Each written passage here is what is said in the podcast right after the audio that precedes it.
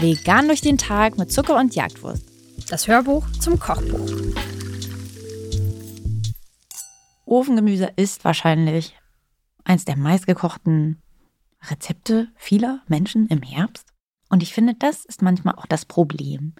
Ähm, denn irgendwie hat man das Gefühl, Herr, also im Herbst gibt es sowieso ganz, ganz viel Gemüse. Cool, das werfe ich in den Ofen, dann wird es warm. Ähm, aber dann wird es irgendwie immer ein bisschen sträflich dadurch behandelt. Ich finde, bei Ofengemüse mh, hm, achtet man oft gar nicht auf die Zubereitung. Man achtet oft gar nicht darauf, dass Gemüse unterschiedliche ähm, Garzeiten hat und man es entsprechend unterschiedlich groß schneiden muss, damit es alles zur gleichen Zeit gleich gar ist. Man packt oft gar keine Gewürze rein, vielleicht ein bisschen Salz, Pfeffer, bisschen zu viel Öl. Man packt oft viel zu viel Ofengemüse auf ein Blech, weil man dann einfach so viel hat und dann denkt man, ist egal, kommt jetzt alles drauf. Dadurch kann das aber überhaupt nicht knusprig in irgendeiner Form werden, ähm, sondern gefühlt ist es ein Dampfgarer dadurch, weil es einfach so crowded ist auf dem Backblech. Das heißt, auch ich liebe natürlich Ofengemüse, aber mir tat das immer so ein bisschen leid, dass das dann oft einfach so zusammengeschmissen wird. Das ist ein bisschen wie beim Chili sin Carne, über das wir auch schon gesprochen haben im Mittagessen-Kapitel. Deswegen bin ich hier angetreten, um dem Ofengemüse ein bisschen was Neues zu geben. Ich habe es deswegen direkt übertrieben und zwei Sachen dazu gemacht. Und zwar einmal eine Knoblauch-Tomatensauce und einen Tahin-Kräuterdip, der noch da drauf gepackt wird. Das Ganze, ehrlich gesagt, ist trotzdem gar nicht in der Zubereitung super viel länger, denn im Prinzip die Zeit, die das Gemüse sowieso im Ofen verbringt, könnt ihr viele von den anderen Sachen schon zubereiten. Ähm, der Knoblauch für die Tomatensauce, der wird aber auf jeden Fall mit dem Gemüse auf dem Blech gebacken. Das heißt, den packt ihr in so Alufolie, dann kommt da ein bisschen Öl, Salz, Pfeffer drauf und danach wird der so zusammengepackt und der wird dann ganz, ganz weich und ähm, der wird fast süßlich. Der verliert auf jeden Fall so seine Schärfe, die so ein Knoblauch hat und diese Bissigkeit. Also auch wenn ihr normalerweise Knoblauch nicht unbedingt mögt, würde ich euch auf jeden Fall empfehlen, den mal zu rösten. Und den im Prinzip rühren wir dann diese Tomatensauce rein und damit wird das ganze Ofengemüse dann auch ummantelt.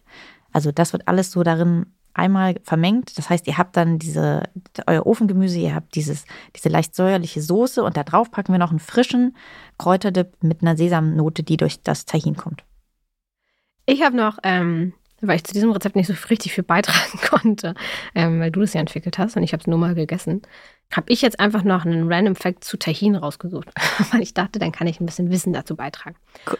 Und zwar, ähm, falls, also Tahin ist ja eh ein ähm, Lebensmittel, was oft in unserem Kochbuch auftaucht. Ähm, also wir haben, was haben wir denn für Rezepte, wo Tahin noch mit dran ist?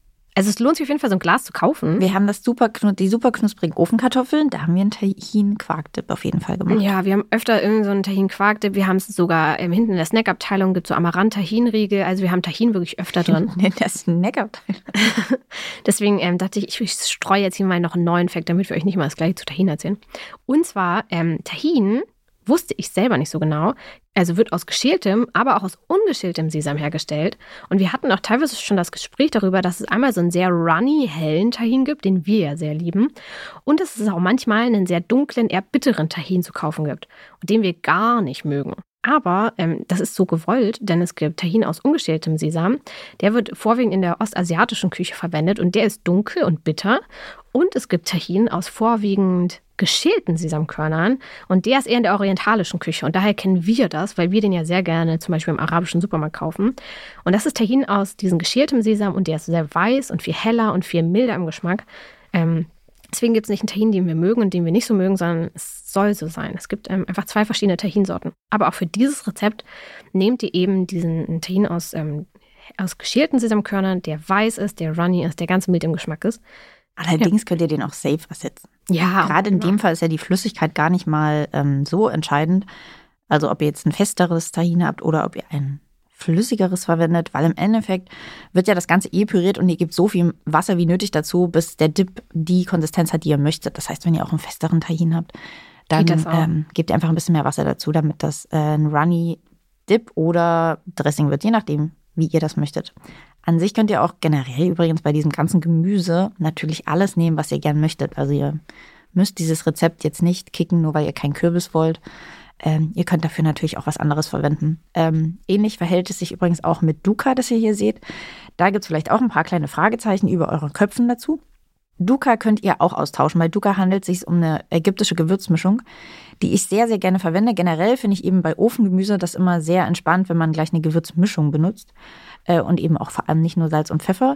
Und da könnt ihr auf jeden Fall mal, es gibt ja auch Ras El Hanout, finde ich auch wahnsinnig lecker dazu.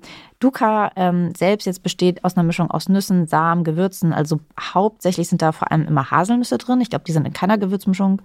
Ähm, die fehlen bei keiner Gewürzmischung. Ansonsten ist aber auch Sesam drin, Salz, Pfeffer, auch Minze, gemahlener Koriander. Ähm, es gibt auch Abwandlungen davon. Also das ist ja relativ klassisch, dass oft so eine Gewürzmischung auf was basiert und danach gibt es unterschiedliche Varianten davon.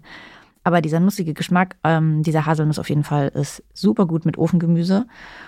Und deswegen, ja, wenn euch diese Soße auch zu viel ist, ihr könnt natürlich auch das Ofengemüse ohne diese Soße machen und nur mit dem Dip. Aber wie gesagt, ich würde sagen, heute widmen wir dem Ofengemüse mal ein bisschen mehr Zeit als sonst. Deswegen würde ich sagen, vielleicht nehmt ihr sogar zwei Backfläche dafür, wenn ihr habt. Ähm, wie gesagt, nehmt oder gebt diesem ganzen Ofengemüse im Ofen viel Platz. Ansonsten, wenn das Gemüse nah an nah liegt, hat ja der Dampf, also die ganze Flüssigkeit, die da rauskommt, beim Backen gar keine Chance zu entweichen. Und dann wird das Ofengemüse auch nicht knusprig, sondern wenn das nah an nah liegt, gart ihr das einfach nur. Dann wird es einfach weich, aber hat nicht diese leicht gerösteten Aromen, die wir eigentlich wollen. Jetzt haben wir es schon wieder geschafft, aus einem sehr simplen Gericht etwas sehr Kompliziertes zu machen.